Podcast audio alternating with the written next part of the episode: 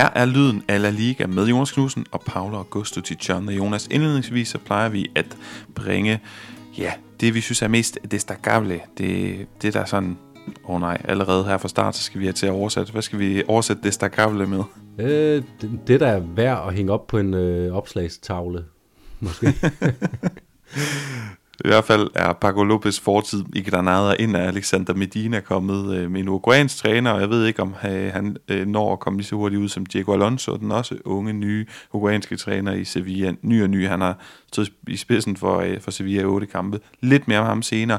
Ikke så meget om Alexander Medina, fordi jeg har ikke så meget på hjertet, og du skal selvfølgelig være velkommen til at komme med noget, hvis du har noget, men jeg synes, det er mere spændende her indledningsvis, at øh, fortælle lytterne, hvad det er, der fylder klart mest, og har gjort det de sidste par dage i spansk sportspresse, og det er de her mange skader. Man er for alvor begyndt at snakke om den her FIFA-virus, som jo har spøgt før. Man begynder virkelig at snakke om sådan at tage det til debat. Jamen, hvad gør vi med alle de her skader? Gavi er ude for sæsonen, Vinicius er skadet igen, Camavinga er skadet igen. Alt sammen skete store profiler for Real Madrid og Barcelona skete her i landsholdstermin, så det havler ned med skader. Og Jonas, jeg kommer sådan til at tænke på, vi som ser, hvem kommer vi til at savne mest i den kommende tid af de her spillere? Øh, jamen, det er, øh, det er uden tvivl Vinicius. Øh, han er øh, for mig set den, øh, det stærkeste offensive kort i La Liga, når det kommer til sådan underholdningsværdi, og det her med at kunne, kunne skabe noget ud af ingenting. Der er ingen... Øh, der er ingen i La Liga, der kommer, kommer op på siden af ham lige nu, så, øh, så det er et tab. Men hvilken træner kommer så til, eller hvem kommer til at savne sin spiller, der ikke er tilgængelig den kommende tid mest, hvis du forstår det spørgsmål? Ja, øh, det er sjovt. Jeg har ikke, jeg har ikke noteret noget om uh, Vinicius uh, under dagens kamp, når vi skal snakke om, om Cardis Real Madrid, fordi de klarede det jo så klemrende. Uh, derimod har jeg noteret, at, at Gavi øh, var, var savnet for, øh, for Barcelona i, i den kamp også, fordi øh, Gavi har befundet sig i det absolut bedste øh, tidspunkt, eller på det bedste, på det højeste punkt af sin karriere. Han har ikke spillet bedre øh, tidligere, end han har gjort øh, de seneste måneder, og, øh, og samtidig så er de spillere, som skal spille i stedet for ham, de er lige kommet tilbage fra skade. Så sådan den kombination gør, at, øh, at Gavi lige nu er den mest øh, savnet, og, og der må man bare sige, Kammervinger, nu, nu kommer vi lidt til at glemme ham i det uforlignelige spiller, som også er inde i en, øh, har været inde i det, det øh, ja, bedste øjeblik i sin karriere i, i Real Madrid. Men øh, der er bare som om, der er andre muligheder øh, for Real Madrid for at erstatte ham øh, end, øh, end, øh, end Barcelona, som har... Øh, øh som har lidt færre muligheder for, for at råde bod på, på fraværet af Gavi, så, så det, det er derfor, jeg peger på, på Gavi som den, der er mest øh, savnet af, af sin træner, når du spørger på den måde, men øh, Vinicius, den som, øh, kan man sige, ud fra det her øh, objektivitetskriterie, som, øh, som seerne, øh, tilskuerne i La Liga kommer til at, at savne mest. Jo også de øh, tilskuere rundt omkring på forskellige stadioner, der glæder sig til at, at tage kampen op mod Vinicius i det her evige spil mellem øh, bane og tribune. Modtaget. Og så sådan, skal vi sige, for lige at runde den her skadesnak af, som fylder så meget, og mange har holdninger. Det ved jeg, at du også har, så jeg behøver ikke engang at sige mojate, men på den anden side kan jeg jo lige at sige mojate. Så, mojate, Jonas, hvis skyld er det? Hvem bærer mest af ansvaret i hele den her diskussion? Fordi klubberne er vel skyldige i at drive rovdrift på deres spillere. Barca har en uheldig historik nu med Pedri, Ansu og nu også Gavi. De to første nævnte, de slår sig stadigvæk med at komme sig 100% over tidligere skader. Vi kan måske også inkludere Araujo. Så lige her i Barcelonas tilfælde, for at nævne et, det kunne også være Madrid, det kunne være mange andre, hvor, hvor, stor, hvor meget skyld bærer sådan procentvis, hvis du skulle dele ud af 100% øh, henholdsvis det spanske landshold og FC Barcelona og Gavi selv? Jamen, det er, man, man kan jo pege bredt på sådan øh, fodboldverdenen, og hvem er så fodboldverdenen? Det er netop øh, klubberne, og det er øh, altså faktisk især, især klubberne, og især øh, institutionerne, altså UEFA, øh, FIFA, øh, fodboldforbundene, øh, divisionsforeningerne, dem som, øh, som bestemmer, at der skal spilles, øh, spilles de her mange kampe, og også det her med, at nu, øh, nu sidder vi her lige har overstået en, en landskampspause, hvor folk har været ude og, og rejse og spille kampe, og så får vi en ligarunde overstået, og øh, allerede skal vi til at, at sidde og kigge på, at der er Champions League-kampe, Conference League-kampe, Europa League-kampe. Det er mange spillere, det er langt de fleste landsholdsspillere, som også skal i, øh, i aktion igen rigtig hurtigt nu, øh, og sådan bliver det bare ved indtil øh, i hvert fald december, og så ved vi jo, at i Spanien begynder de her Copa del Rey-kampe, øh, Supercopa-kampene, øh, og, øh, og der kan man sige, der kommer man rundt i en bred appel, fordi, øh, eller en bred skyldsramme, fordi Supercopa-kampene, det har Barcelona og Madrid i den grad øh, en skyld i, at de skal ud og spille to kampe i starten af januar mod, øh, mod hårde modstandere, øh, og, og det samme kan man sige om, øh, om, om Champions League, altså det er, det er oppebåret af ønsket om profit, og det er det, som, øh, som driver øh, rovdriften på spillerne, og jeg har ikke lyst til at skyde skylden egentlig så meget på de her landskampsterminer, fordi øh, jeg synes ikke, at der, der er flere landskampe end der har været tidligere i historien, og, og øh, tidligere var der også gjort, gjort dårligere plads til de, de landskampe. Det er der trods alt gjort plads til nu, at der er 14 dage til at få afviklet dem her, men, øh, men det, det er sådan den, den samlede hele pakke, og jeg, jeg bliver mere og mere fortaler for at, at skære ned på antallet af kampe, altså gøre et eller andet. Jeg ved ikke, jeg har jo ikke lyst til, at La Liga skal blive en mindre, øh, at der skal være færre hold i La Liga, men, øh, men hvis man kunne få, øh, få antallet af kampe ned, så vil jeg ikke være det mindste ked af det, fordi der er fodbold hver eneste dag. Yo creo que Vinicius tiene esta calidad muy importante en uno contra uno. Eh, para marcar goles, eh, eh, le he dicho que es muy difícil encontrar delantero que marcan gol después 4, 5, 6 toques. Para marcar gol necesita un toque, a lo máximo dos. Lad os så hoppe til vores samarbejde med det dansk producerede brætspil, som hedder Pondit, og som øh, ja, støtter lokalfodbolden. En god, rigtig oplagt mulighed for at få købt en fodboldgave til mennesket, du holder af, og som elsker at øh, blive udfordret på sin fodboldviden. Jonas, det er din tur til at have et spørgsmål, eller tre, eller hvor mange du har valgt med til mig i dag. Og øh, jeg er lidt spændt, fordi jeg har faktisk et par ting, jeg håber på, at jeg kan få lov til at diktere senere hen øh, i løbet af programmet. Så lad os høre, hvad du har fundet frem. Ja, men lad os se, og, øh, og som vi har haft lidt for vane på det seneste, så har jeg fundet en, øh, en startopstilling. Og øh, nu sagde du, at man skulle udfordre øh, sine venner og, og familie. Nu udfordrer jeg, nu udfordrer jeg dig, fordi vi er tilbage i 98, og du skal se, hvor langt du kan komme i at gætte startopstillingen for Real Madrid i deres Champions League-finale mod Juventus den 20. maj 1998, øh, som jeg har stående på kortet her i forbindelse med et spørgsmål, hvor man skal, skal gætte en af, af spillerne, der var med i den her startopstilling. Så lad mig, lad mig sige, hvis du kommer 4-5 stykker hen på et spørgsmål for 98, så, øh, så, har, du, så har du retten til at diktere øh, Rogon Jugon de Tajasso øh, senere i, i udsendelsen. Jeg husker det som bare det i går. Fem år gammel. Det var... nu skal du høre.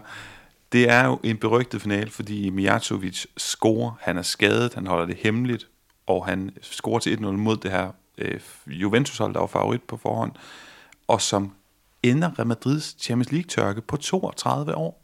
Det havde man jo ikke troet, når man kigger på alle de trofæer, de har hentet hjem. Men mit første bud er Mijatovic. Det er Mijatovic. Så foran. vil jeg gerne gå med et par wingbacks. Jeg husker det, som om de sætter op i en 3 eller 5 bagkæde, alt efter man ser det. Og på venstre, Roberto Carlos, og på højre, Åh, oh, jeg har Nej, ved du hvad? Jeg starter bare med Roberto Carlos. Jeg er i tvivl om, det er Michel Salgado allerede, så jeg siger Roberto Carlos. Ja, Roberto Carlos er rigtigt så er det jo en periode med spillere som Morientes, Raul, Anelka er også overraskende afgørende i det forår. Vi har spillere som Carambeu, Seedorf, Redondo. Hvem skal jeg gætte på? Jeg siger på Seed, jeg gætter på Seedorf af en grund. Seedorf er med. Så er du oppe på, på tre nu. Så skal vi have legenden Ivan Campo med, som spiller senere røg til Bolton. Det er ham, du gætter på nu? Åh oh, nej. nej, nej, nej. Er, er det ham, du gætter på? Nej, det er selvfølgelig... Ej, hvem, hvem kunne tro, at jeg havde gættet på ham? Jeg gætter på uh, Raul. Det er rigtigt. Så er du oppe på fire. Så gætter jeg på Fernando Morientes. Det er også rigtigt. Han spiller sammen med Mijatovic op foran med Raul. Ifølge den her liggende bagved i sådan en, en diamant så gætter jeg på, det, jeg har lyst til at sige, at Jedo ikke er med, så jeg, øh, vi hopper over til Manolo Sanchez. Mm, det er korrekt, han er nede i forsvaret. Du er oppe på 6 oh, nu. Og nu, ja, nu, nu kommer jeg i tanke om, hvem der definitely er i det midterforsvar. Det er Aitor Karanka. Desværre ikke.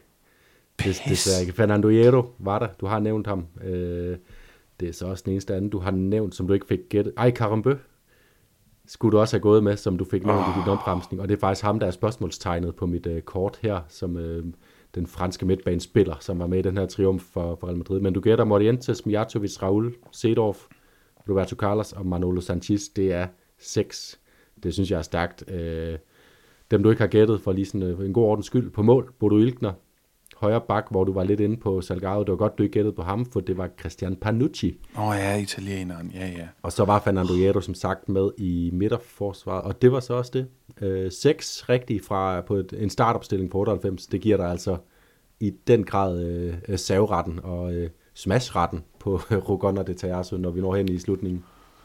Jamen fornemt. Jeg, jeg glæder mig til at se, om jeg får øh, brug for den, men lad os øh, først lige gå igennem de resultater, vi fik serveret efter runde 14. Fredag aften, Alaves Granada 3-1 til øh, holdet fra Victoria Gasteiz, og altså dermed en fyreseddel til Paco Lopez i, øh, ja, i trænersædet hos Granada. Lørdag fik vi Rayo mod Barcelona 1-1. Du turde og satse. Du troede på, at Barcelona ville tabe, Jonas. Du fik i den grad ret, og det er også et tema i dagens udsendelse. Vores forudsigelser, de sad relativt godt i skabet. Tab point i hvert fald.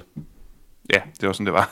Valencia Celta 0-0 i Rafa Benitez retur på Mestalla, Retafe Almeria 2-1, og altså øh, rigtig god periode, som øh, Retafe-mandskabet under Bordalas 2.0 er, er inde i. Atletico Madrid med Mallorca 1-0 på mål af Griezmann, og søndag fik vi Villarreal med Marcelino tilbage i La Liga.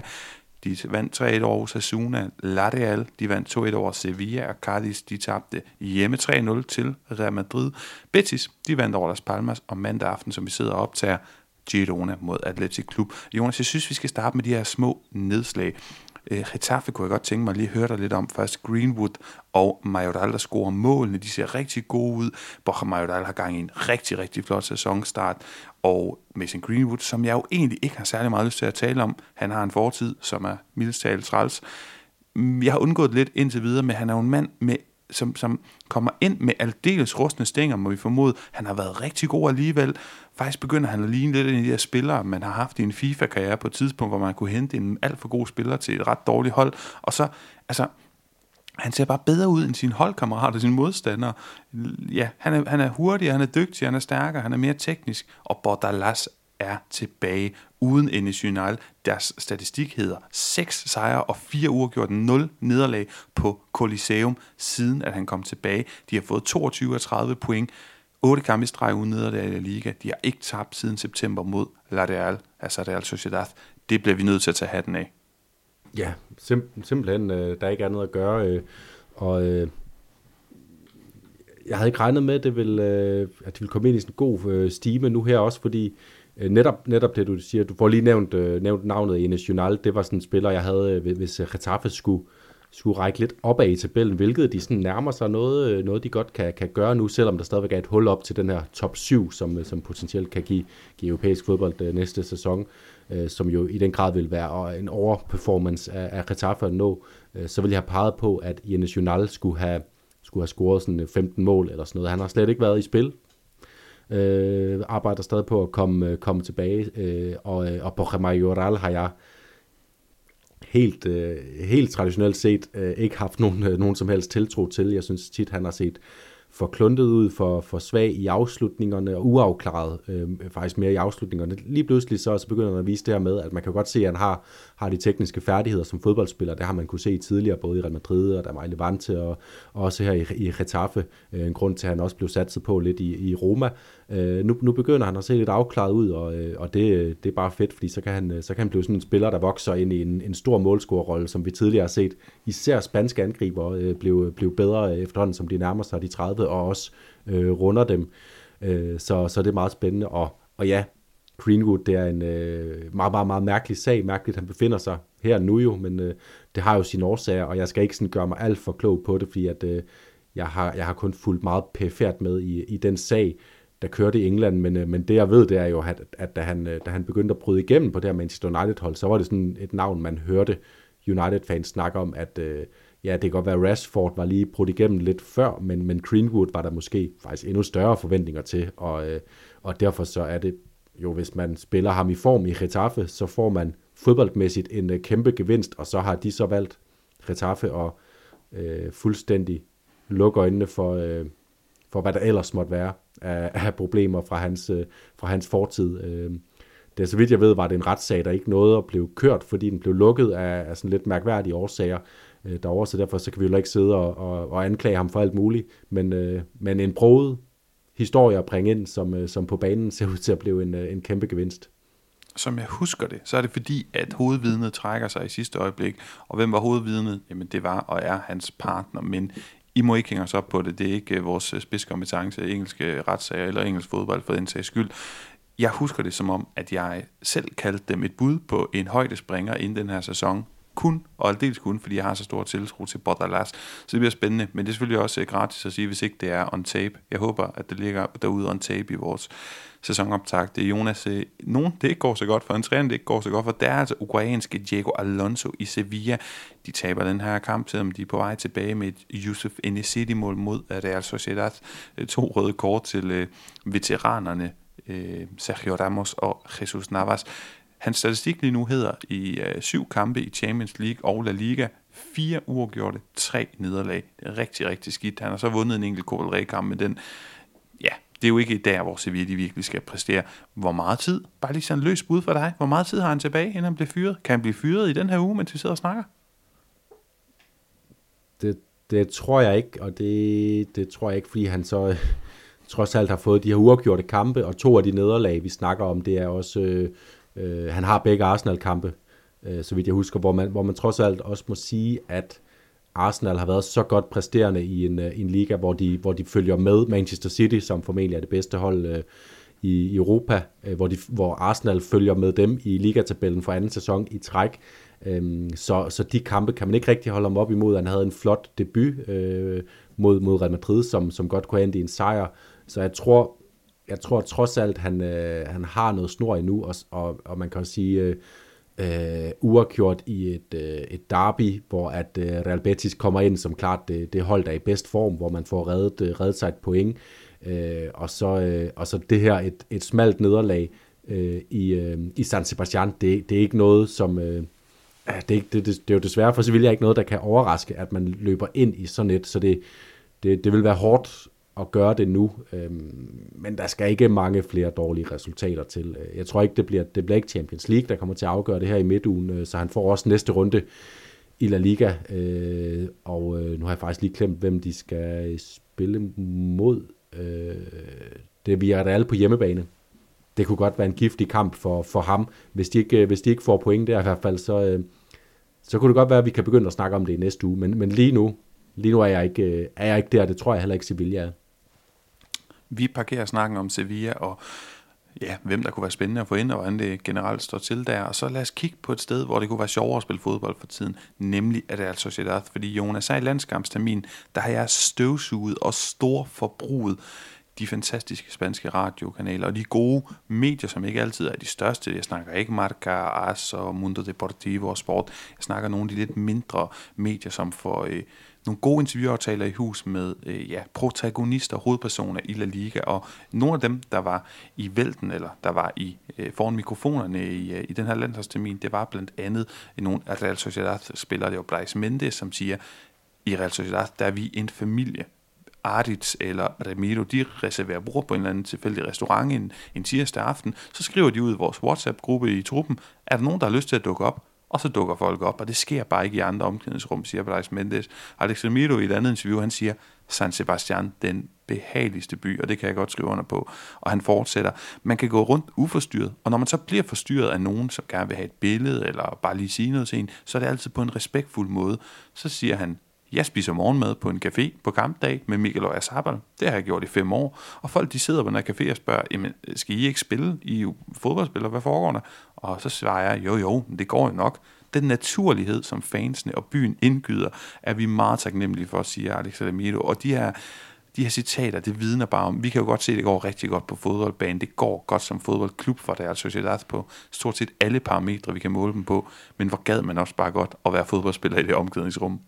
Ja, og bo i den by. Altså, jeg kan godt forstå, hvis, øh, hvis man er svær at lokke fra øh, Real Sociedad øh, og tage en spiller som Mikel Oyarzabal. Han har jo i hvert fald haft, øh, haft muligheden, og nu må vi se, om, øh, om øh, Take Kubo, øh, Martin Subimendi kunne vi også nævne, som har haft muligheden for at, øh, at forlade det til større lønning og større adresser. Øhm, øh, og Take Kubo er jo det næste, vi sidder og venter med spænding på, om han, øh, om han i løbet af, nok ikke januar, men næste sommer, om han så øh, øh trækker øh, et, et, øh, et afgangskort et sted hen. Price Mendes kunne også komme i, i kiggerden inden længe, Lenormand, som er landsholdsspiller, men, men det er bare som om, at, øh, at, at den her trup kan, kan holdes bedre sammen end, end, end de fleste trupper, som vil ligge med det, den lønramme, som Real Sociedad har, øh, kombineret med den kvalitet, Real Sociedad har lige nu. Øh, det vil normalt splindres øh, hurtigere, men man har sådan en idé om, at, øh, at de godt kan holde sammen på det, og hvis de mister nogen, så er det ikke øh, fem spillere på én gang, øh, som man nogle gange ser med de her hold, der, der præsterer over evne i en periode. Og det, det kunne jo meget godt vel være, være fordi en ting er øh, måden, de spiller på, øh, virker øh, som et sjovt sted at være fodboldspiller under Alguacil, og så øh, selvfølgelig de rammer, altså øh, man skal ikke have været længe i, i San Sebastian for at tænke, at, øh, at det er et behageligt sted øh, at, at befinde sig. Og når det så også er gode mennesker, øh, der omgiver en, øh, som, øh, som Ramiro og, og øh, var det øh, Elostondo, som bestiller bord på, på gode restauranter, som der også er masser af, hvorfor skulle man så tage et andet sted hen for en, øh, en lidt større lønscheck? Ja, det lugter langt væk af harmoni. Jeg kan stadig godt være rigtig sur. Jeg faktisk havde Real Madrid for, at de hævde Martin Ødegaard hjem, da det også gik godt for ham. Men det spiller i Real Sociedad. Jonas, apropos Real Madrid, så lad os da hoppe øh, videre i programmet og snakke om Real Madrids kamp i Cadiz. En kamp, hvor at øh, Rodrigo egentlig starter ude, men så starter han alligevel, fordi Abraham Diaz har problemer med maven hvor er han bare god på venstrekanten. Han er uhyggelig afgørende. Han kan tage de her ufarlige situationer, og så gøre hvad som helst med dem, bare fortryllende. Og lad det være sagt med det samme. Enten så er enten så Ancelotti en fremragende træner til at få det bedste ud af Rodrigo. Det skal selvfølgelig siges, han har været inde i en lidt dårligere periode tidligere.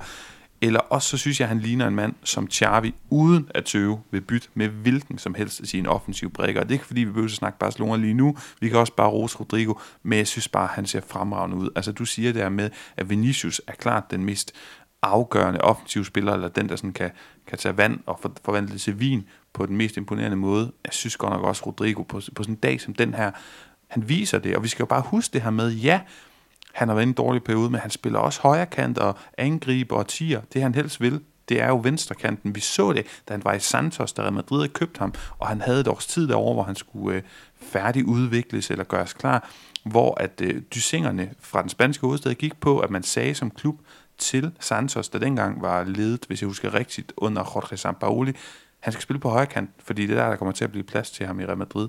Men jeg synes bare, han viser, at når han spiller venstre kant, så er det der, han er mest tilpas, og hvor er han bare god, når han spiller derovre. Ja, og nu, øh, nu er vi der, Paul. Altså, nu har han scoret øh, tre kampe i træk mod øh, Braga, Valencia og Cardis. To gange i træk har han scoret to mål. Han har sågar også lavet oplæg i alle de her kampe, fire i alt i de seneste tre kampe her, for Real Madrid, øh, vel at mærke. Øhm, så øh, alt det, vi har efterspurgt for Rodrigo, og alt det, som vi to egentlig også var lidt øh, enige om, øh, da vi sad, så vidt jeg husker, i sommer, så lavede sæsonoptakt, at nu, øh, nu må det være Rodrigos tur til at tage det her endelige step op til ikke bare at være en, øh, en interessant, dygtig spiller, men også være en, der afgør tingene. Øh, det er han lige nu. Og øh, den her kamp mod Cardis, det var ikke en imponerende kamp, igen kan man sige, af, af Real Madrid. Altså Cardis formåede øh, øh, på, på dygtig og kløgtig vis, klassisk af dem, at gøre det til en, øh, en grim fodboldkamp, som var, var jo blandt andet svær for, for de her dygtige spillere som øh, Kroos, Modric, Bellingham, som kun formåede at, at, at klimte i ja, glemt, øh, hvor Rodrigo så havde øh, tre store klemt, der, der afgjorde øh, sagerne eftertrykkeligt til Real Madrids øh, fordel. Så øh, det er øh, det er en Rodrigo, der nu er steppet op, og øh, det næste bliver jo så, øh, at han skal vise det, når Vinicius øh, kommer tilbage øh, på banen, at han kan blive ved med at gøre det, også når Vinicius er der, fordi øh, det, det er jo afgørende, hvis man skal være en, en kontinuerlig faktor i Real Madrids Øh, øh, startopstilling, så skal man også kunne, øh, kunne øh, skinne igennem, selvom der er andre store profiler, der skinner igennem ved siden af en. Det er jo, øh, det, er jo det, der gør, at man kan, kan blive Real Madrid-profil igennem øh, en længere årrække.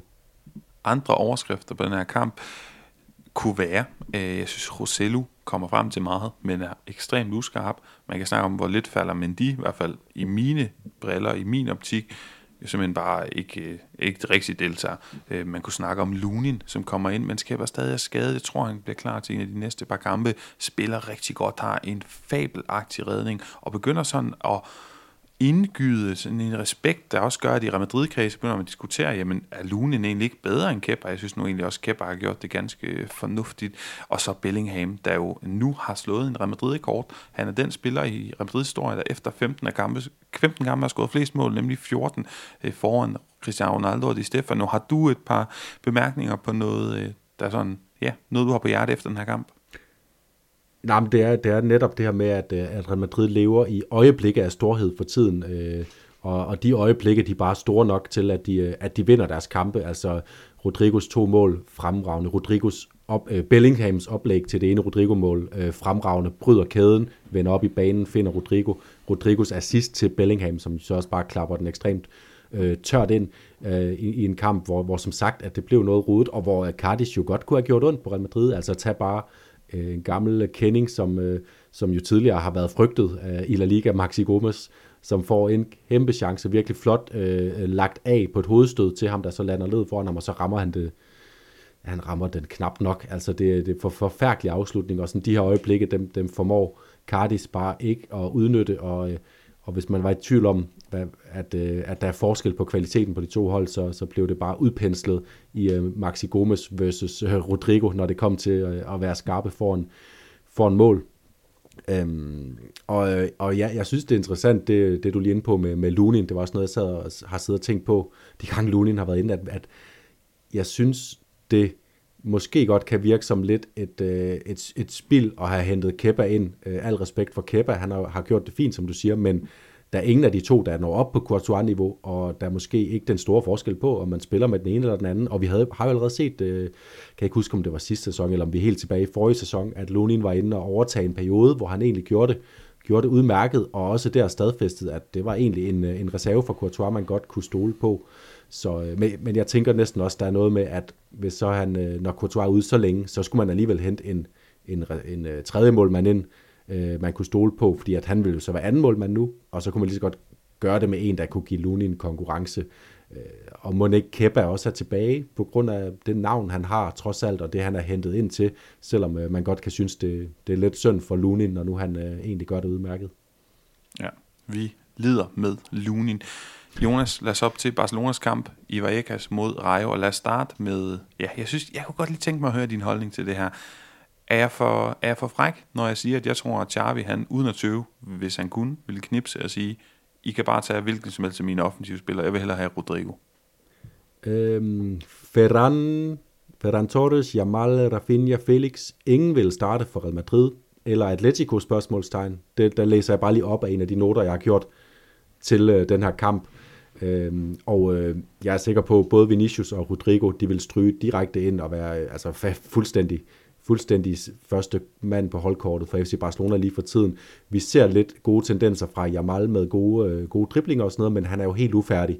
Og øh, det bliver også tit ufærdigt, når han øh, begiver sig ud på sin dribletur. Det, er jo, det kan tælles på, på øh, en hånd, hvor mange gange han har taget de her dribleture, og så har afsluttet det med et, et mål eller et oplæg stadigvæk øh, det sted, hvor han er. Så man må ikke lægge så meget på hans skulder, og så Ferran Torres, Rafinha og Felix, alle tre der er bare for langt mellem snapsene, selvom Rafinha kommer ind og rammer stolpen, og Felix har haft sine gode kampe, og Ferran Torres også har set, øh, set farligere ud i, i momenter af den her sæson. Der, der, der er et langt stykke på kvalitet fra FC Barcelonas offensivspillere til Real Madrids lige nu.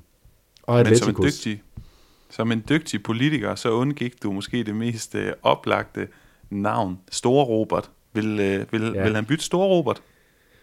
For Rosello? Nej, for Rodrigo. Ja, ja øh, det vil jeg gøre lige nu. Øh, jeg synes, Robert Lewandowski er, øh, er dårlig lige nu.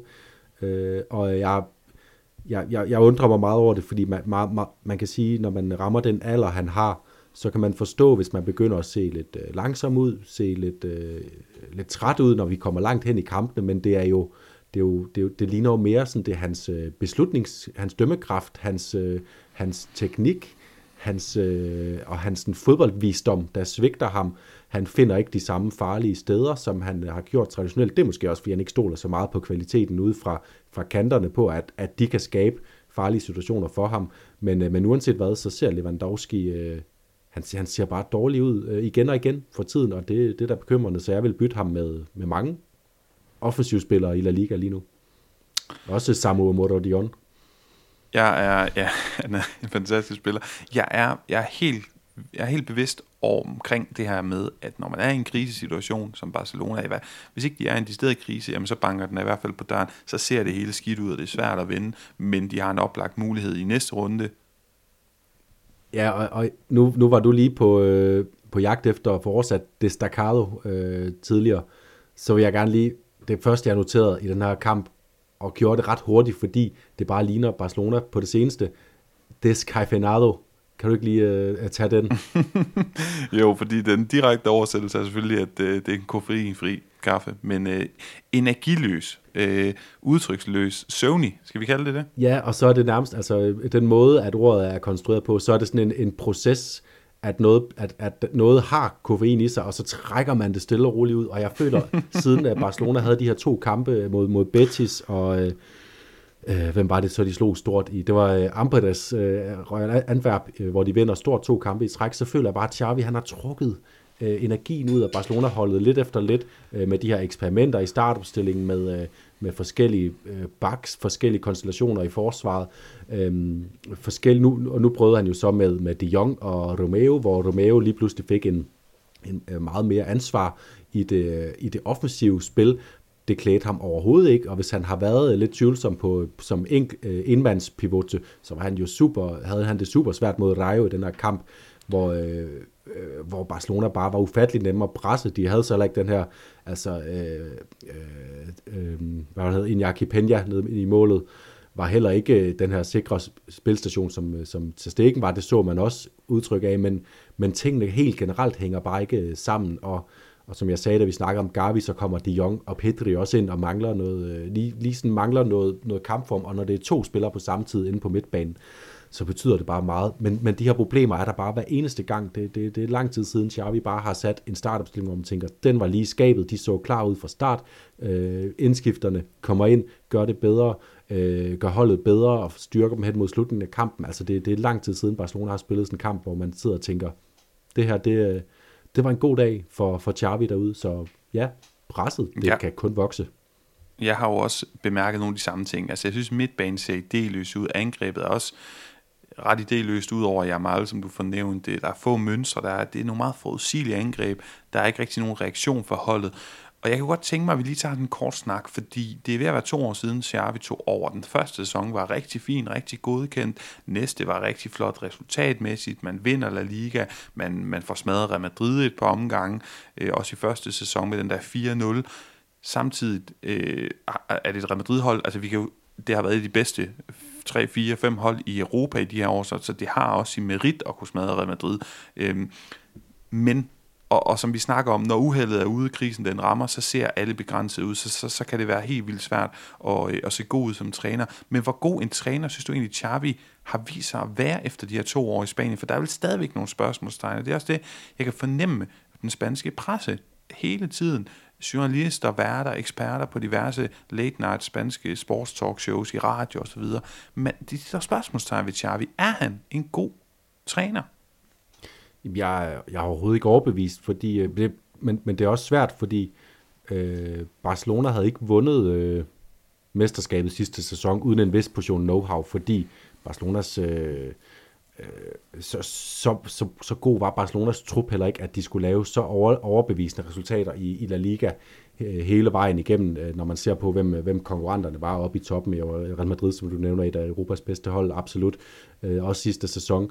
Øhm, så, så det har jo uden tvivl sin merit, men når man snakker om en træner, der skal kunne løfte et hold med den enorme tradition og den, den, den arv, kulturelle arv, der er i Barcelona med, hvordan man skal spille, hvordan man skal vinde, så har Xavi bare ikke overbevist på nogen som helst måde om, at han har, øh, han, han har jo uden tvivl idéerne, fordi han ved jo, han kender alt det, han er opfostret i Barcelona, han er, har lært fra han var fem år gammel, hvordan Barcelona skal spille fodbold, men han har ikke vist, at han kan transmittere det til en prøvet trup med, øh, med, pla- med sådan en god blanding af andre, som er opfostret i det, og andre, som, slet, øh, som skal, skal lære det, altså Cancelo, Gündogan, Inigo Martinez, Araujo, Koundé, øh, øh alle, de, alle de her spillere, øh, Rafinha, som kommer fra, fra Premier League, og sådan en kraftfuld spiller, Lewandowski, der kommer fra Bayern München i mange, han har ikke vist, at han kan transmittere øh, idéerne til dem og få dem til at, øh, at spille som et FC Barcelona-hold. Og øh, det kommer til at kræve en del for at overbevise mig, fordi at han har brugt så lang tid nu på det, øh, øh, og har også haft den her sæson, hvor det, det er jo luksus at kunne starte en sæson med et mesterskab i, i ryggen, og så øh, have den opgave at skulle, øh, skulle løfte spillet en smule, samtidig med, at man skal, skal fortsætte sætte de gode ting, der fungerede. Og det, øh, det har han ikke gjort særlig godt, synes jeg. Jeg ved godt, at det er spekulationer, og det er nemt at sige, men min påstand, og jeg ved godt, det er gratis, min påstand vil være, at hvis de stod, hvor de gjorde pointmæssigt, havde scoret de mål og enkelte de mål, men de havde spillet flot Barcelona-agtigt, så vil der ikke være de samme kritiske røster. Altså det er den her tanke om, det hele falder tilbage til det narrativ, den identitet FC Barcelona er kendt på og har skabt sig, fordi du kan også kigge på, om glasset det er halvt fuldt eller halvt tomt, fordi Chavis Barcelona har hævet 15 point hjem i de sidste 15 minutter af kampen der sæson, og det er mere end noget andet hold i Europas store liga. Og der kan du jo også sige, jamen havde det været Real Madrid, så var det måske noget, man havde applauderet noget mere, fordi det er en del af deres retorik og narrativ, og man behøver ikke spille sig godt altid, man skal bare være der, man skal levere, man skal øh, være konkurrencedygtig, men i FC Barcelona, der er det altså ikke nok, du skal spille flot, frembrusende champagnefodbold. Jonas, mit spørgsmål omkring det her med de 15 point i, i, i de 15 sidste minutter af kampene, betyder det, er det i virkeligheden sådan en måde at maquillage, hvad hedder det, at sminke situationen? Er situationen egentlig værre, end den ser ud pointmæssigt? Ja, det, det synes jeg, og det, det samme kan man jo egentlig sige om lidt, lidt om Real Madrid, som har spillet mange kampe, hvor de øh, har fået, fået flere point, end man lige sidder og har fornemmelsen af, at de spillemæssigt har gjort sig fortjent til, men de fører La Liga, så det er ikke et tema, og Real Madrid har ikke det samme behov for at, at have smukke sejre. Øh, Barcelona, det er jo igen og igen, man, man sidder med sådan en puff, så, så klarer de den lige, altså Celta, tager Celta-kampen på hjemmebane mod et celta som nu kun har vundet de har vundet en ud af 14 kampe. Øh, dem skal man altså ud i sådan en mirakuløst remontada. Der var ikke nogen der var ikke sådan den der følelse af, at det her var en smuk dag i Barcelonas historie. Det kunne det jo sagtens være, øh, at man kommer bagud mod mindre modstander, og så klarer man det, fordi man, man øh, øh, hanker op i sig selv. Men det her, det var sådan en... Øh, ah, vi, vi, vi fik lige haltet os i mål, og det har mange af deres sejre været sådan, øh, nu halter vi os i mål, og det, det har også som regel vagt sådan, øh, en, øh, der har været den her knyttede næver jubel, når Barcelonas sejre er kommet i land, i stedet for, øh, i Barcelona vil man jo gerne have, at man kan lige række hånden i vejret og sige, flot, klaret, chapeau, af med hatten, vi spillede godt, og vi vandt. Det har de ikke gjort særlig mange gange, øh, og øh, det, det er et problem. Øh, det er et problem, når man, øh, når man, selv når man vinder. Selv når man fører La Liga, vil det være et problem. Nu er man så fire point efter, og det er jo ikke nogen katastrofe, og det vil netop ikke være nogen katastrofe, som du også sagde rigtig nok, hvis man så havde spillet flot i mange af kampene. Fire point med, efter 14 kampe, Øh, der er masser af tid tilbage til at indhente det, men lige nu er der bare ikke noget, der peger på, at, øh, at man kan gå ud i, øh, i næste øh, weekend og spille Barcelona-fodbold i en hjemmekamp mod Atletico, en topkamp, der skulle tryllebinde verden. Det kommer til at blive... Øh, det kommer til at blive Barcelona, der skal kæmpe med næb og klør for at holde på retten til at, at være med i, øh, i kampen om sejren til sidst. Jonas, en gang imellem, og det er sjældent, så, så kan jeg godt lide, og nu har jeg lige været inde og google, jeg kan godt lide at referere til den her Table of Justice, altså expected points, på de her underliggende parametre. Kan du gætte, hvilket hold, der ligger nummer et? Uh, altså i forhold til uh, expected points, hvor det er expected goals versus expected goals uh, against, lukket ind ja. against. Ja. Hvem der ligger nummer et der? Jamen det gør Real Sociedad sikkert. Nej, nej. Vi snakker jo om dem lige nu. Det er FC Barcelona. Barcelona. Ja, ja. Sådan er der så meget. Øhm, ja, det er heller ikke, fordi jeg har frygtet meget tiltro, men jeg vil bare nævne det. Vi skal også lige nå i den her FC Barcelona-kamp på Vegas og øh, sende et skud ud til Francisco Start i Rayo. Jeg synes altså, det er relativt imponerende. Øh, det er vel stadigvæk over forventning, hvordan de ligger, hvordan de klarer det, det her Mata Gigantes. Nu slår de ikke Barcelona ihjel, de var tæt på, men øh, lod dem øh, tage fra Vallecas med livet i behold, men altså også kun med et point hjem i bagagen til Barcelona. Vi er jo ikke på i der Ola-højder endnu, og jeg er ikke sikker på, at vi kommer det, men meget mindre kan også klare det, og jeg, jeg vil stadigvæk referere til den snak, vi to har i podcasten, der Rejo rykker op, jeg tror det er frem mod sæsonen 21-22, hvor vi siger, jamen vi regner med, at de rykker ned med det samme. Det er klubbens størrelse, budget, øh, det, det roder på ledelsen, øh, ledelsesmæssigt plan osv. osv. Det faktum, at Ida Ola overpræsterer så voldsomt i to sæsoner, det er selvfølgelig imponerende, men jeg har stadig lyst til at være en lille smule konservativ og spille øh, den sådan her ud, at hvis Franciscos Schreier de overlever, så er det vel en succes? Ja, ja, de skal ikke, øh, de skal ikke andet, og øh, kan ikke forvente andet med det, øh, de, det budget, de har, de rammer, de har. Øh, men øh, hvis jeg var Rayo-fan, så ville jeg selvfølgelig forvente en hel masse mere, fordi de spillere, som er der nu, har vist så meget mere, og øh, man kan sige, lige for tiden gør de det godt, selvom at øh, Alvaro Garcia og Isi Palazon for eksempel ikke er, øh, øh, synes jeg, helt op på de højder, som de har, har været tidligere. Tag for eksempel den der kamp øh, mod Real Madrid senest, hvor øh, Rayo, det var den dårligste Rayo-kamp, jeg har set i... Ja, okay, de, de har lige den her 0, de taber 0-7 til Atletico også, øh, men, men, men, men det var det mest, hvis vi skal vende tilbage til Descafeinado-begrebet, jeg har set Rayo være, men at de så går ind og kan, kan levere det presfodbold, vi kender dem for i en kamp mod Barcelona her, og hente et point, øh, det er på, på en måde ikke overraskende, men, men de har jo haft de her udfald, så, så, øh, så øh, vi kan stadig tillade os at forvente mere af, af Rayo, men vi kan ikke tillade os at forvente mere, end at de rammer de her 40 point, som der skal til for at overleve. Lad os hoppe til Atletico Madrid, som jo øh, vandt over Mallorca, og jeg, jeg fangede sådan et meget sjovt citat fra øh, Movistar, som er den spanske kanaludbyder, der sendte kampen. De har havde nogle mikrofoner ude og får mulighed for at stille spørgsmål til en spiller, øh, som de løber hen mod omklædningsrummet, øh, når der er fløjtet til pause. Og de fanger Mallorcas midtbanekriger Samu Costa, som jo efter den her hårdt tilkæmpet 0-0 ved pause, så siger han til Movistar, han bliver adspurgt, om, om de kan fortsætte med at modstå i anden halvleg. Så siger han, somos unos animales. Og det er endnu en oversættelse. Jeg har skrevet, vi er nogle dyr, men det, vi er nogle bæster, vi er nogle monstre, jeg ved ikke, hvad vi skal oversætte det. Og vi elsker at lide nos encanta sufrir. Og det kunne de så ikke i sidste ende. Atletico, de vinder, de fortjener absolut de her tre point. Fremragende hovedstødsmål Antoine Griezmann. Og de er vel det mest pålidelige hold i La Liga i den her sæson. Eller, okay, du kan selvfølgelig altid lige øh, smide Girona efter mig, men du ved, hvad jeg mener.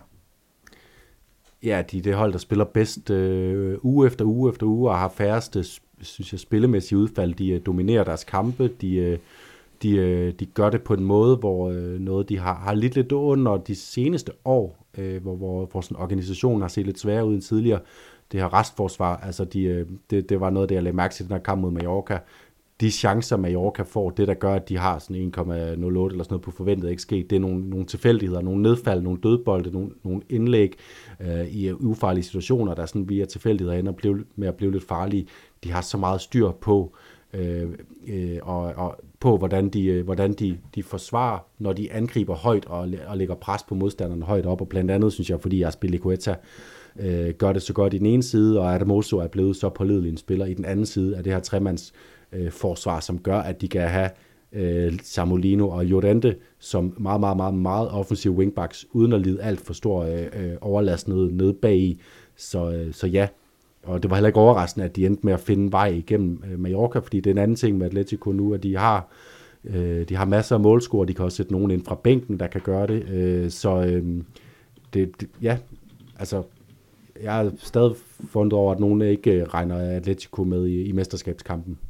Shh, det ved du godt, vi ikke, det, det må vi ikke sige, hvis, hvis de lytter med dernede. De kan bedst lide, at vi ikke snakker om på det punkt. Ja. Men jeg tænker ligesom dig, Jonas. Jeg tænker det, fordi Girona kan ikke blive ved. Real Madrid har ikke nogen nier. Det er stadigvæk for mig, at jeg måber lidt over det der faktum. Jeg kan rigtig godt lide Roselu, men det der med, jamen, det er ikke nogen sensation, det er ikke nogen overskrift, det er ikke nogen overraskelse. Han spiller fast som nier for Madrid. Han er deres nier, og øh, ja, han er en dygtig spiller, men han har også rykket ned to gange, og han, han er en spiller, som kunne være rigtig god for Sevilla, for, for at nævne et eksempel. Og ved siden af, jamen, så har du FC Barcelona med deres problemer, så vi tænker begge det samme om Atletico Madrid. Er der, er der en spiller eller noget, du vil fremhæve for det her nye Atletico Madrid? Axel Witzel, Pablo Barrios, Samuelino. Er der nogen, du er imponeret over?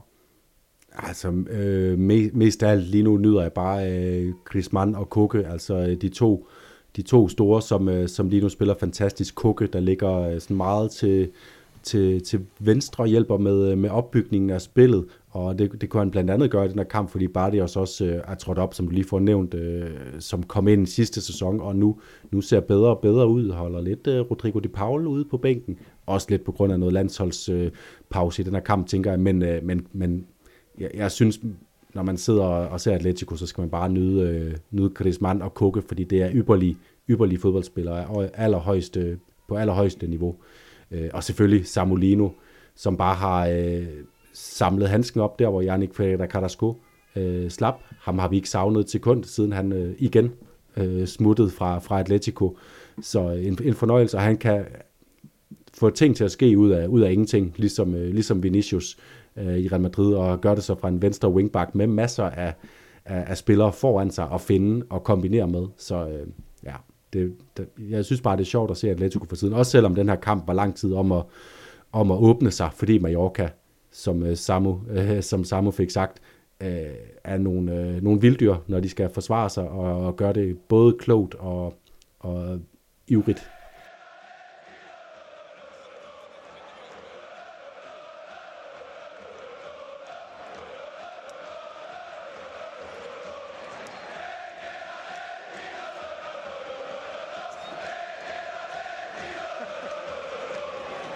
Jonas Rundens, det der er så. Jeg synes, der er to angriber, der har sparket nogle rigtig flotte bolde i kassen. Umar Sadik for Real Sociedad og Mason Greenwood for Getafe. Og den ligger lidt 50-50 for mig. Øh, meget 50-50. Jeg, jeg, jeg kan simpelthen faktisk ikke øh, vælge mellem de to. Men jeg vil sige, hvis jeg, hvis jeg pistol på panden, så er der noget i den her voldsomme fysik, øh, nogle lemmer, der ikke virker i kontrol hos Umar Sadik, anarki, den der trodsighed, som tæller lidt op i, i hans mål, og så elsker jeg bare, når en spiller han bryder med det fornuftige, det polerede, siger han, jamen altså, lad mig nu for Søren bare hakke på kassen, og så smadrer han den op i hjørnet. Ja, fordi det er i øh, Real Sociedads velsmorte øh, maskineri, at han lige pludselig tager, og det er sådan, man kan se, at han får den lidt over til venstre, og så man kan nærmest se, at han tager beslutningen. Jeg vil på en eller anden måde, så vil jeg ende i en position, hvor jeg kan score. Så tager han nogle lidt sådan kajtede træk, og ender så i, hvad der vil er 0,01 på en expected goals position, og bare hakker den ind. Så jeg er meget enig.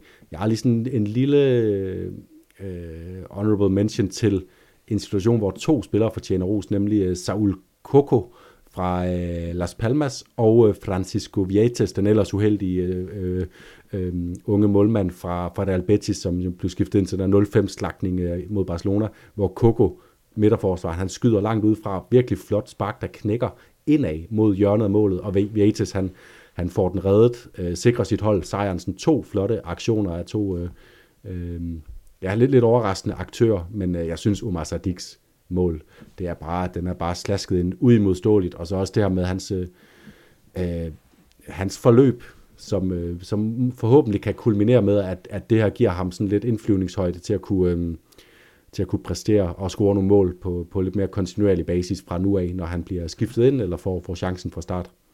Ja, og nu med Miguel Oyarzabal skade, som jo ellers har spillet centralt i Real Sociedad-angrebet de seneste par uger, så er der virkelig lagt i kakkeloven til, at han kan præstere. Men jeg tør ikke at gå med det som en forudsigelse. Som vi kommer tilbage til lige om lidt. Jonas, først El Hugon, den spiller, der har stået ud med den mest imponerende præstation. Jeg synes, Rodrigo Goes var god. Jeg synes, Mason Greenwood var god.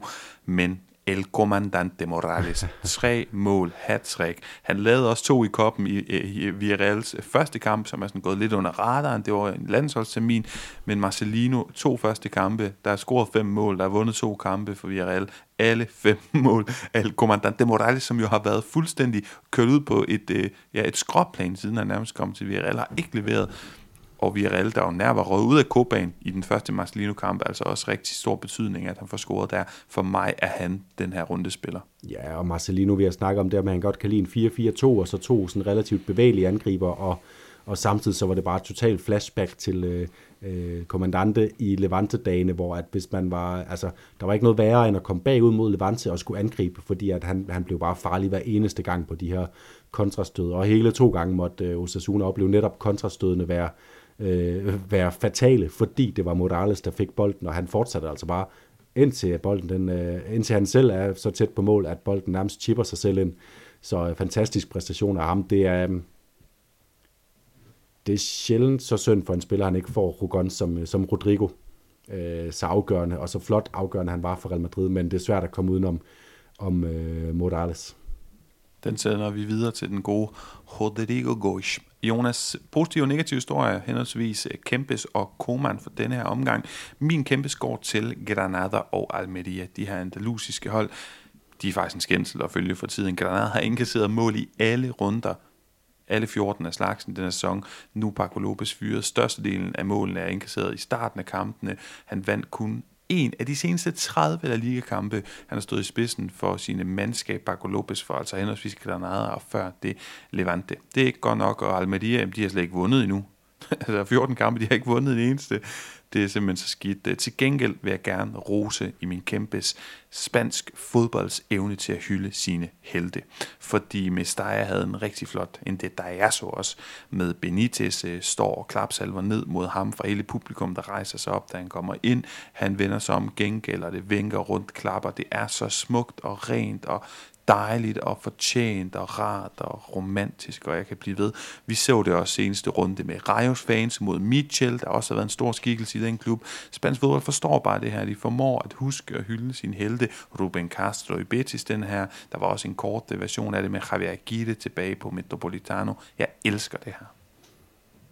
Jeg er fuldstændig enig, og i det hele taget... Øh flot, øh, flot kamp der på Mestalla også med, øh, med Valencia selv. Så også passende, at det endte 0-0 på en eller anden måde, så, så der ikke var nogen, der skulle snakke om Rafa Benitez fyring. Det havde været for brutalt efter en kamp på, på Mestalla, og nu får han, øh, nu får han øh, no, no, noget længere snor, som vi også har snakket om øh, tidligere. Min man går til de her skader, som vi snakker om i starten af udsendelsen, og især til Jeremy Pino, øh, Villarreal, fra Villarreal, som har fået en af de her korsbåndsskader, som, øh, som man tit snakker om, kan gøre, at spillere bliver sat definitivt tilbage i deres øh, karriereudvikling. Vi har set Mikel Oyarzabal kæmpe ufattelig længe med at komme tilbage, og det er det altså en ung spiller, som, øh, som formentlig skal med til EM med Spanien næste sommer. Det kommer han nok ikke nu. Det går lang tid, inden han kommer tilbage på banen, og så skal han kæmpe sig tilbage i, øh, i form, og jo også fordi det, det, er, det er en ung spiller med et enormt potentiale, men som ikke sådan, vi har også siddet og ventet lidt på, at han eksploderede i sådan 10 kampe i streg, og øh, det skal vi måske vente to år nu, øh, på at, øh, at få det at se. Så det synes jeg bare er ekstremt øh, bitter. Der er en ting er, når spillere bliver, bliver skadet, der er sådan en overbelastning. De her, de her skader, som er, ren uheld og, øh, og holder folk ude i lang tid og svært at komme tilbage fra, det er bare, det er bare så øv at se spillere, man, øh, man ellers har klædet sig til at holde øje med, øh, lide dem. Og min øh, kæmpes, den går til Deportivo Alaves, fordi at øh, nu har, jeg har lige siddet desperat og let efter mit, øh, mit bud på, øh, på slutstillingen i La Liga, men jeg er ret sikker på, at jeg i hvert fald har dem på en af de tre øh, nederste pladser, da vi snakker om det i sommers. Øh, og det var jo også det hold, som lige slæbte sig med op i, i, øhm, i øh, Primera Division, eller nu er jeg helt ude i, i gamle dage, øh, i, La, i La Liga, øh, efter playoff-finalen mod Levante. Altså kampe, som Levante klart skulle have sikret sig, øh, sikret sig oprykkelse i, øh, oprykning i, men øh, vi er lige på et straffespark til sidst øh, gjorde det for, for Deportivo Alaves øh, de, har, bare, de har, har ramt 15 point nu efter 14 kampe. De får en stensikker sejr hjemme mod øh, Granada, en af nedrykningskonkurrenterne øh, i den her kamp. De har øh, lavet en klog øh, lejehandel legehandel med ham her Samu, som de har været tålmodige med. De har Luis Rioja Guridi, som er fede spillere at se på, og så har de den her som vi kender fra sidst, Alaves også var, var rigtig gode, det vi, vi vil tilbage i sådan noget 14, 15, 16, 17 eller, andet, et eller andet sted der, hvor de havde Jordan på leje, og, og en masse gode spillere også, hvor de har den her, det her energiske udtryk, og, og den her øh, standhaftighed, som vi også kender fra Usasuna. Man kan godt sammenligne de to hjemmebaner. De har også de to sådan, små, kompakte med, med gode stemningsafsnit, og, øh, som kan bære deres hold på skuldrene. Så, øh, så min kæmpe skår til Deportivo Alaves, der lige nu ligger, øh, ligger plødt og varmt der i midten af La Liga, hvor de kun kunne have drømt om at ligge på nuværende tidspunkt, og øh, det skal de have stor ros for meget velfortjent. Det er 16-17 sæson med Marcos Llorente, Theo Hernandez, Daverson og Ibai Gomes og alle de der ja, så jeg kalder dem legender. Det er måske lige at gå for langt. Men Jonas, en god historie. Apropos god historie, så skal vi lige nå, inden vi går til sidste punkt på dagsordenen i dag, øh, at jeg har jo pitchet for dig for nylig en, en idé til en ny programserie på podcasten, som øh, går ud til, og hvor vi skal bruge hjælp fra jer lyttere, fordi det er jo sådan, at øh, Jonas og jeg øh, sidder ikke på sandhederne, og vi er heller ikke, vi ønsker heller ikke at fremstå på den måde. Vi kan heller ikke være overalt. Vi er primært i vores hjem i Odense og øh, Skanderborg, og øh, være sammen med vores små børn og passe vores arbejde, og argumentere over for vores kærester, at vi skal se mest muligt spansk fodbold, for det er stadig vigtigt. Men i andre lytter. I er også overalt. I skriver til os, I beder os om øh, tips til rejser, og vi kan se, at I tager godt imod det, og I er ude og opleve en masse ting. Og vi kunne godt tænke os at høre jeres bedste historie fra jeres fodboldrejser, og der hvor I står ansigt til ansigt med spansk fodbold og møder det. Og for at inspirere en sådan historie, fordi jeg kan jo også se på Twitter, at Pau Wernhøj har se, mødtes med, eller har set og mødt Joaquin, og øh, det var der også Gabriel Vega og Anders Grønborg og Greve og sådan. Altså, der er en masse af sådan nogle historier. Jeg tror virkelig på, at der er mange, og jeg kunne rigtig godt tænke mig at høre dem alle sammen. Så hvis I vil skrive ind, eller endnu bedre optage en memo, hvor I fortæller gerne i detaljer, det er der plads til, om jeres møde med spansk fodbold, øh, fede anekdoter, gode historier, så send dem ind, og så øh, klipper jeg det sammen og smider det ud en gang imellem, som sådan et lille, lille, det ved jeg ikke, en god potpourri af gode oplevelser. Og Jonas, jeg kan jo starte med at lægge ud, men du må få lov at vælge, om det skal handle. Jeg har to i ærmet. Du kan få en af dem i dag. Skal det handle om Jens Dag eller Nacho? Ja, men det, det, det, det er godt nok et svært valg, men det bliver altså, det bliver, det bliver Nacho. Nej, åh, jeg, nå, så får du Jens Dag næste gang.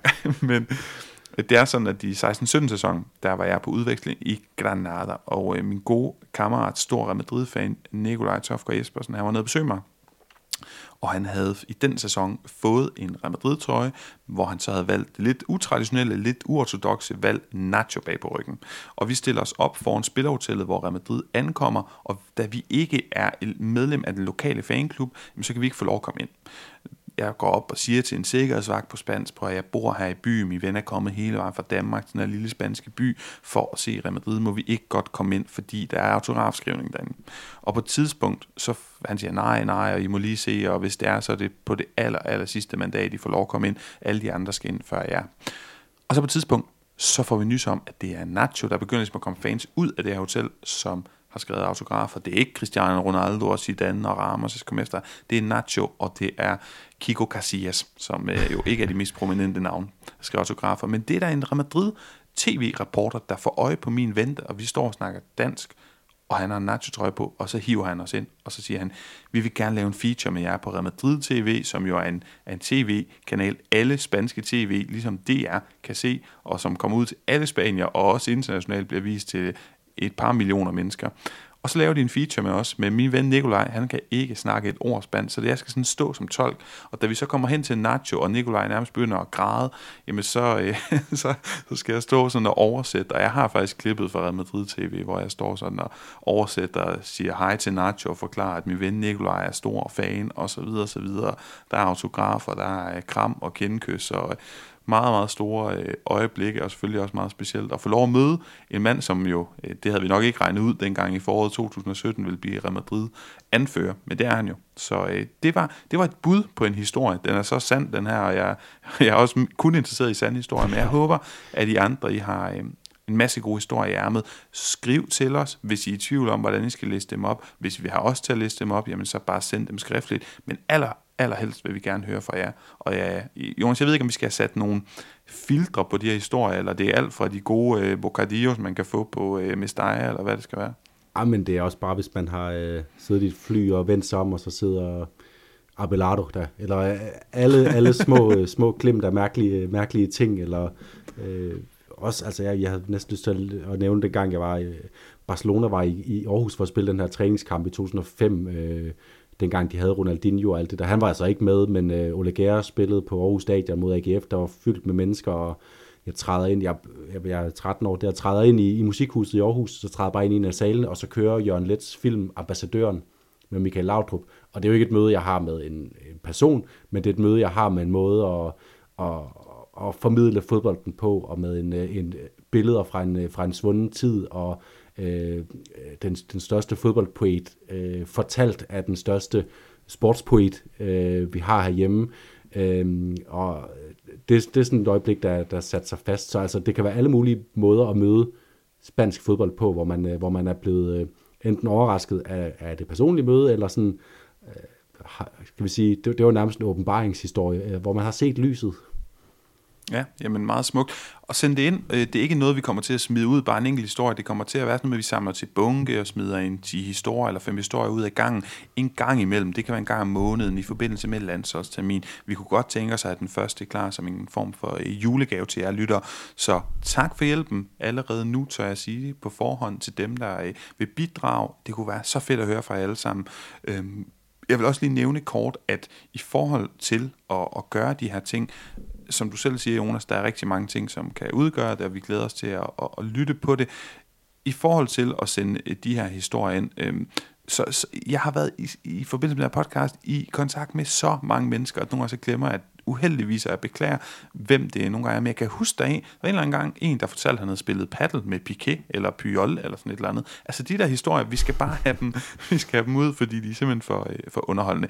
Nu er, øh, er det sagt, og øh, igen, skriv ind, hvis I er tvivl om noget, og lad os hoppe til det sidste programpunkt, Jonas, tilbage til den her rundesnak, og jeg har glædet mig exceptionelt meget, fordi vi har simpelthen nailet vores forudsigelser, hvis jeg husker rigtigt. Ja, lad mig bare hurtigt gå igennem det. Altså, du gætter, Paolo, på, at Atletico de vinder over Mallorca. Det gør de på et flødehovedstød af Antoine Griezmann. Så siger du, at Rodrigo Goes er involveret i mål mod Cardis. Det fik du ikke uret i, for han var det hele tre gange med to mål og, og, og et øh, oplæg. Så spot on, to point til dig. Du ryger op på 12 point samlet efter 14 runder. Det er jo, øh, vi nærmer os et, øh, et snit på, på et point per runde. Jeg gjorde det også bedre, end jeg har gjort det på det seneste øh, i, den her, i det her format. Jeg sagde nemlig, at Barcelona ikke ville vinde i Vallecas. Det gjorde de ikke, de fik jo som bekendt 1-1. Og så sagde jeg, at Marcelino vil starte sin La Liga øh, karriere efter comebacket til Villarreal med en sejr hjemme over Osasuna, og takket være kommandante, så skete det også på overbevisende maner, så jeg sniger mig op på, på 10 point, og har stadig øh, snor i dig inden næste runde, hvor, øh, hvor jeg er meget nysgerrig på at høre dine bud. Vi har jo blandt andet en øh, Barcelona-Atletico-kamp på Montjuic på tapetet, og der har jeg valgt noget. Ja, men øh, det har jeg muligvis også, og jeg synes jo lige, det skal siges, at din præstation i den her runde er flottere end min, fordi du har været mere modig, jeg har taget noget mere oplagt. Alligevel, så fristes jeg altså lige til at høre din bud, fordi jeg har skrevet flere forskellige ting op, og jeg skal lige vide, hvor våget du er, før jeg... Og jeg lover, hvis du er våget, så er jeg også våget. Men jeg skal lige høre din bud først. Atletico vinder på Montjuic. Øh, det er... Jeg føler, at Atletico kommer ind øh, meget, meget, meget bedre sted end Barcelona til den her kamp, og øh, har lige nu øh, mere at trække på. Flere spillere, der kan score mål, bedre organisation bag til, mere sikre opspilsmønstre, altså mere afklarethed i, i hele spillet, så øh, jeg har Atletico som øh, jeg har Atletico som favorit til den kamp og tror også de kommer til at til at gøre det med øh, med ja, jeg ved ikke hvem der måske med Chris Mann og Morata i, i nogle, nogle hovedroller, men Atletico vinder på Montjuic og så øh, går jeg med et af de hold, der har i den grad sejrs tørke. Øh, ikke Almeria, som ikke har vundet nu, men Celta, som kun har vundet én kamp. De fordobler deres øh, sejrs, øh, sejrsstatistik til to, når de øh, hjemme vinder over Cardis. Ah, det er stærkt. Det er rigtig stærkt. Det er også modigt. Øh, og jeg, jeg synes, det er modigt. Så jeg er nødt til at toppe den og sige, at Atletico Madrid, de vinder på Montjuic. Chris Mann scorer. Bare lige for, bare lige for at øh, ja. mit point går ikke hjem, hvis det kun er en af de to så ting. Så kan jeg stadig altså, distancere dig, selvom at, øh, at Atletico vinder. Ja, men jeg har en anden. Jeg har en anden. Øh, jeg skal lige finde ud af, hvad for en er mest lovet. Du, du, du, kan, du kan få lov at vurdere, en der er mest våget. Den ene, det er, at Atletic Klub, de vinder over Rayo Vallecano, og Iñaki Williams scorer. Altså igen, to ting, der skal gå hjem, før jeg får point. Eller den anden, det er, at Real Madrid, de vinder med plus tre mål. Real Madrid, de har øh, Granada, nej, jo, Granada jo. på hjemmebane. Så altså mere end tre mål, eller tre mål, eller mere? Tre mål plus. Øh, altså synes jeg, det er sjovest med Real Madrid. At se om Rodrigo han kan fortsætte med at, at havle målene ind øh, i strid. Strømme nok til endnu en, øh, til endnu en stor sejr. Så øh, det bliver den. Modtaget. Jamen så er der jo... Øh, så er det på plads. Uh, jeg kan godt mærke, at jeg har lyst til at trække land nu, fordi der er også noget med midtukampe af Champions League og skader hos Real Madrid. Men nej, jeg går med den. Real Madrid, de vinder 3-0, 4-1, 5-2 op efter. Uh, det skal ikke være lige præcis 3. De må også godt vinde 6-0. Ja, ja. Og, altså, og, og jeg havde egentlig kun noteret ud for den her uh, Montjuic-kamp Barcelona-Atletico, at Griezmann et eller andet med Griezmann, men nu går altså med, at de også vinder. Øhm, og det er vel det, Jonas. Så er der Skulle ikke mere tilbage. ikke engang et tocifret antal mod Granada øh, en gang. Og det var Rayo, de vandt 10-2 over, har jeg lyst til at sige. Ja, der, der har været nogle store øh, Granada-nederlag dengang med Diego Mainz i midterforsvaret, og jeg ved ikke hvad. Nu hører de jo aldrig nogensinde ende på min historie, men øh, da Real Madrid så gæstede i foråret 2017, øh, hvad hedder det nu, Evolos Gardemen i Granada, så vandt de 4-0, har jeg lyst til at sige, 4-1, 4-0, i hvert fald to gange Rames og to gange Morata. I den der sæson, Jonas, som du nok husker, hvor Real Madrid med Zidane vandt, Øh, øh, man kaldte det, de vandt liga med B-holdet, fordi de havde simpelthen så uhyggeligt mange øh, individuelt stærke spillere, som var mere sådan reservespillere. Nå, nok om det. Vi har snakket om alt muligt mærkeligt i dag, og øh, jeg håber, at I har været glade for at lytte med. Jeg håber, at I skynder jer ned, nedfælder jeres sjove møder med spansk fodbold, kendiser og ikke kendiser, mad, kultur, stemning, you name it, fede stadions, aparte oplevelser. Vi glæder os til at høre om dem. Jeg glæder mig til at sidde og modtage det. Og hvis I er i tvivl om, hvor I skal sende det hen, jamen så skriv bare til os, Facebook, Twitter, alt det der. Så glæder vi os til at smide det ud og lægge det ud en gang imellem som øh, lille potpourri af gode spanske fodboldhistorier. Det her var i hvert fald Jonas og min spanske fodboldhistorie for den her uge, og vi er tilbage i næste uge med mere Lyden af La Liga. Ciao for now.